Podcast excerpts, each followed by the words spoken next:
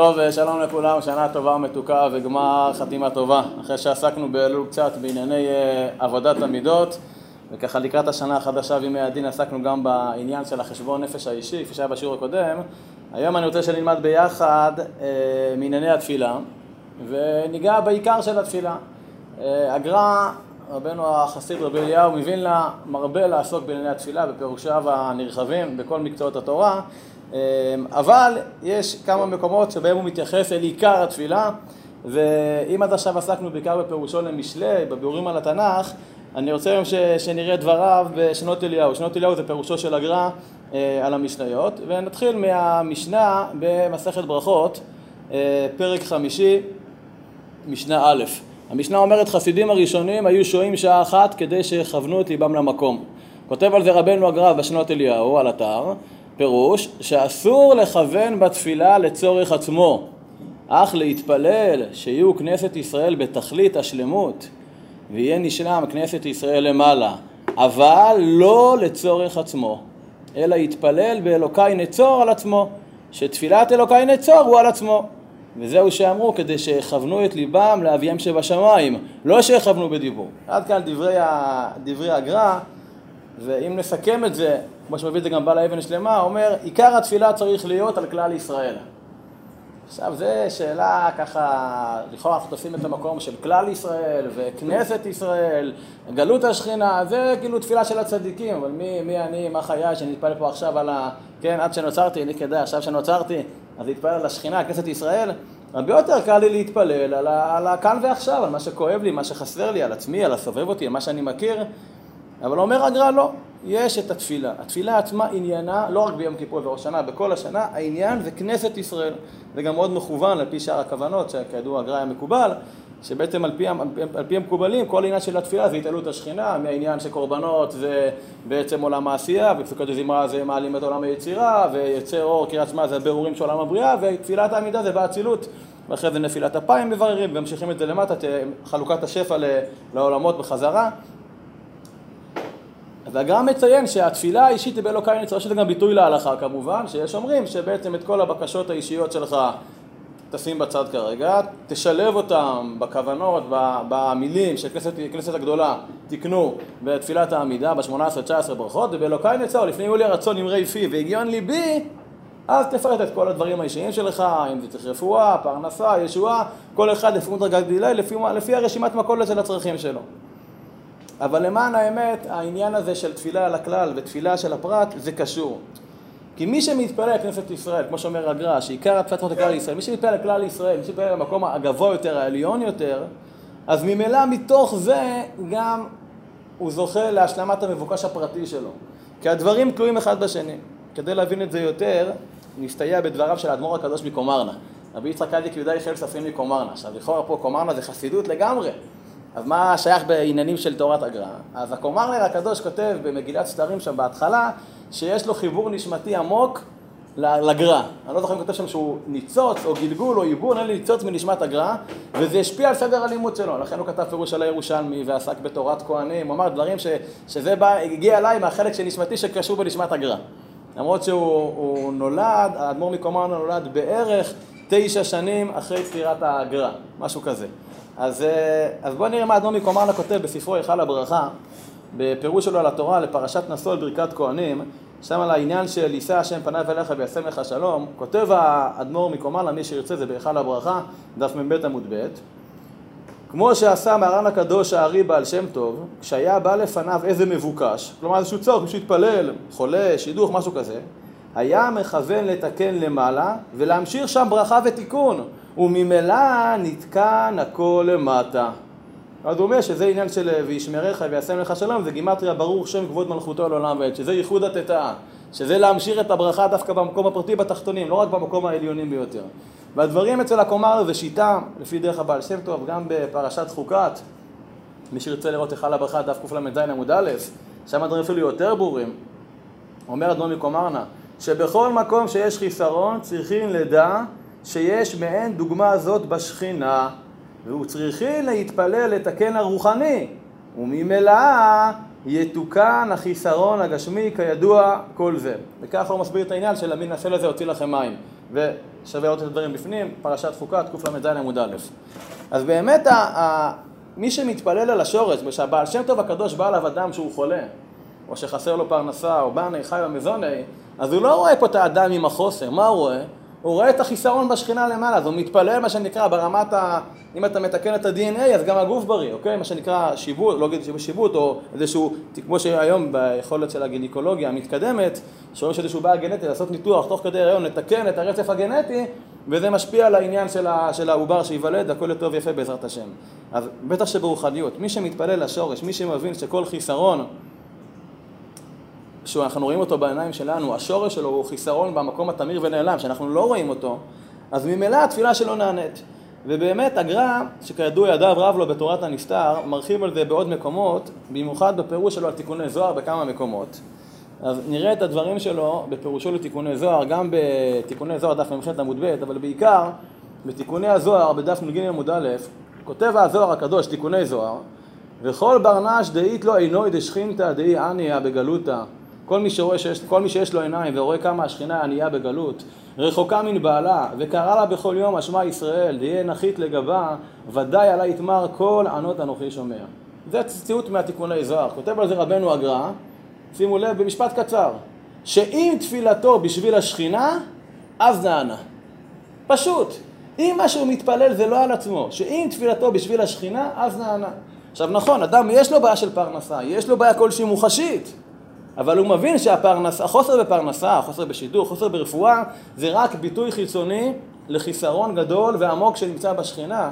אז הוא לא מתפלל רק על הכאן ועכשיו, כמו שאדם רואה את הקרחון, אז יודעים שעל כל מה שאנחנו רואים קרחון מעל המים, יש עוד שמונה תשיעיות, זה רק תשיעית מעל המים, שמונה תשיעיות זה מתחת למים. אז אם הוא מבין שהכל שם ומתפלל על המקום הזה, אז זה מקום יותר, אז זה הדרך לפי הגר"א להגיע לשלמות של התפילה. כי כפי שאומר הגר"א, עיקר התפילה צריך להיות על כלל ישראל. עכשיו ביום כיפורים, שאנחנו השבוע נגיע בעזרת השם ליום הגדול והנורא, יום הכיפורים, אנחנו נוטים להתכנס בעצמנו. בעיקר לחשוב על העבירות שלנו, וזה באמת, זה מאוד בולט בווידואים המפורטים כל כך, שאנחנו חוזרים עליהם ביתר ביטחון עשר פעמים ממנחה של ערב החג ועד נעילה, שבנעילה יש רק בעמידה ולא לא בחזרת השץ, ואומר על חטא שחטאנו, אשמנו, בגדנו, גם זה בלשון רבים, אבל הפירוט הוא כל כך אישי, מאכלות אסורות, דקפת שוחד, עיניים רמות, כן? וכולי וכולי, כל הדברים האלה, זה נשמע מאוד מאוד קשה לעסוק ברמת הכלל, כאשר אנחנו יודעים גם שיש פה פירוט מאוד נרחב, וגם כל אחד מאיתנו יודע שאנחנו לא נקיים, שגם ברמת הפרט שלנו יש לנו, אז, אז איך אני יכול לבקש על הכלל, שאני יודע שאני עצמי, עוד לא, לא עשיתי לביתי, לא תיקנתי את עצמי, מה, איך אני יכול להגיע לכיתה ב' אם כיתה א' לא הייתי, נכון? אז אני רוצה פה להציע הצעה בסייעתא דשמיא, שככה אני משתדל לעשות בשנים האחרונות, וככה התייעץ עם כמה אנשים גדולים שאומרו שזה דרך ראויה, ואני חושב שאפשר גם לתלות אותה במה שאומר פה הגר"ל, שעיקר התפילה צריך להיות לכלל ישראל.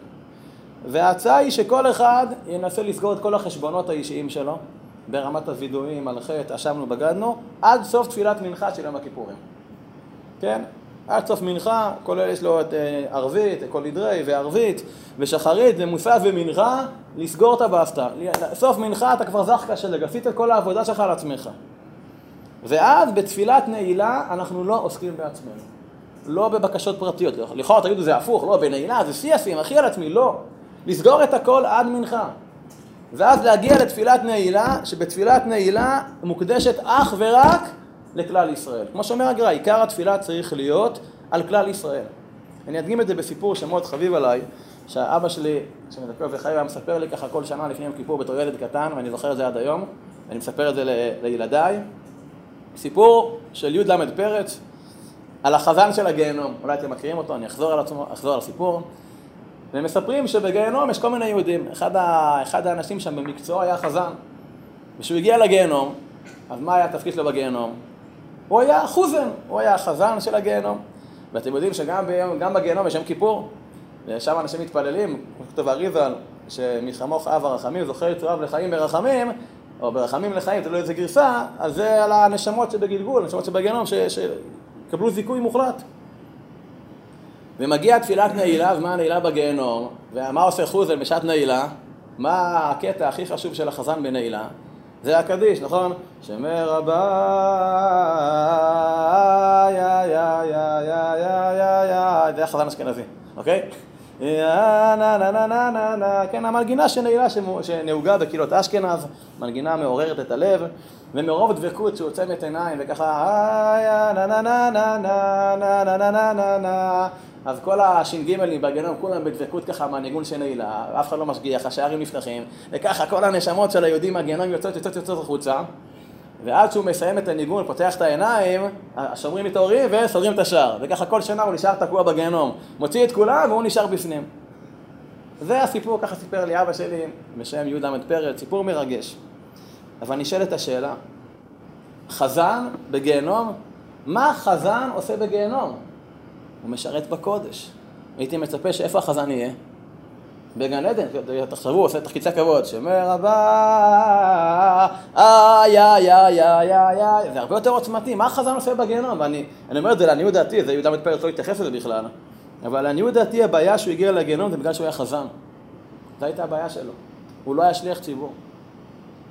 מספרים על יוסף רוזנבלט, גדול החזנים, שהרב קוק מאוד העריך אותו, אמר שנשמתו חצובה מהיכל הניגון והיה בא לשמוע אותו, שפעם הזמינו אותו לשבת בקרקוב, שאלו אותו כמה הוא לוקח לשבת והוא נתן סכום אסטרונומי. אמר לו שם ראש הקהל בקרקוב, אתה מודע לזה, יוסלה, שאתה לוקח פי שניים יותר מכל חזן אחר באירופה? אמר לו, מה אתה רוצה? אני גם מתפלל תפילת לחש. כן?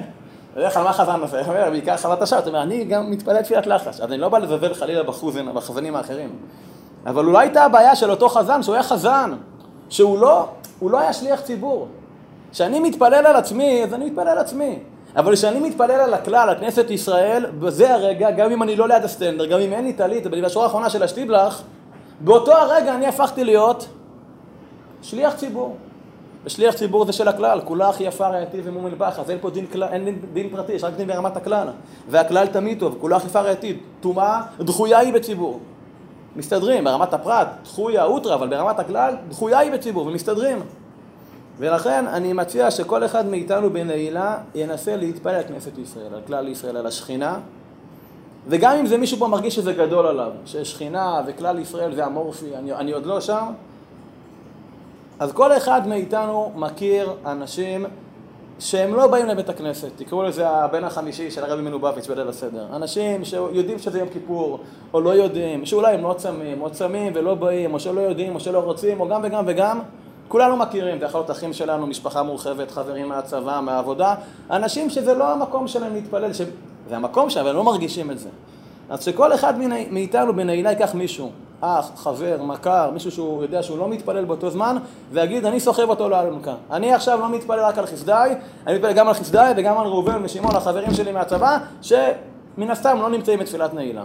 או החברים מהעבודה, או כל מישהו אחר. ואז בעצם אני גם שותף לכלל ישראל, אני גם מתפלל על השכינה. אני לא מתפלל רק על, על הכרס של עצמי, רק על הבנה חי מזוני שלי, אלא מתפלל, אני לא יכול להתפלל על השכינה ועל הכלל, אבל חלק מהכלל.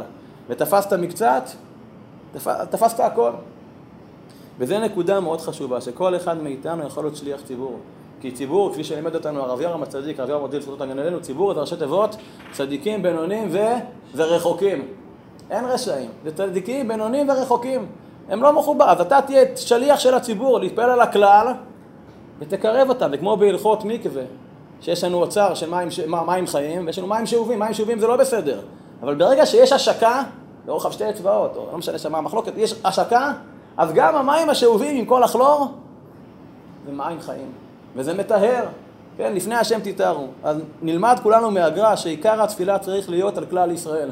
להשתדל ביום כיפור לסגור את החובות האישיים שלנו כמה שיותר מוקדם, וכל השאר להקדיש לכלל ישראל, בין אם זה על השכינה בכנסת ישראל, ובין אם זה להיות שליח של הציבור, של הצדיקים הבינוניים ובעיקר של הרחוקים, שנזכה ושתהיה לכולנו חתימה טובה בעזרת השם בספרם של צדיקים, צדיקים גמורים שמחוברים לכלל ישראל. ברוך ה' לעולם, אמן ואמן.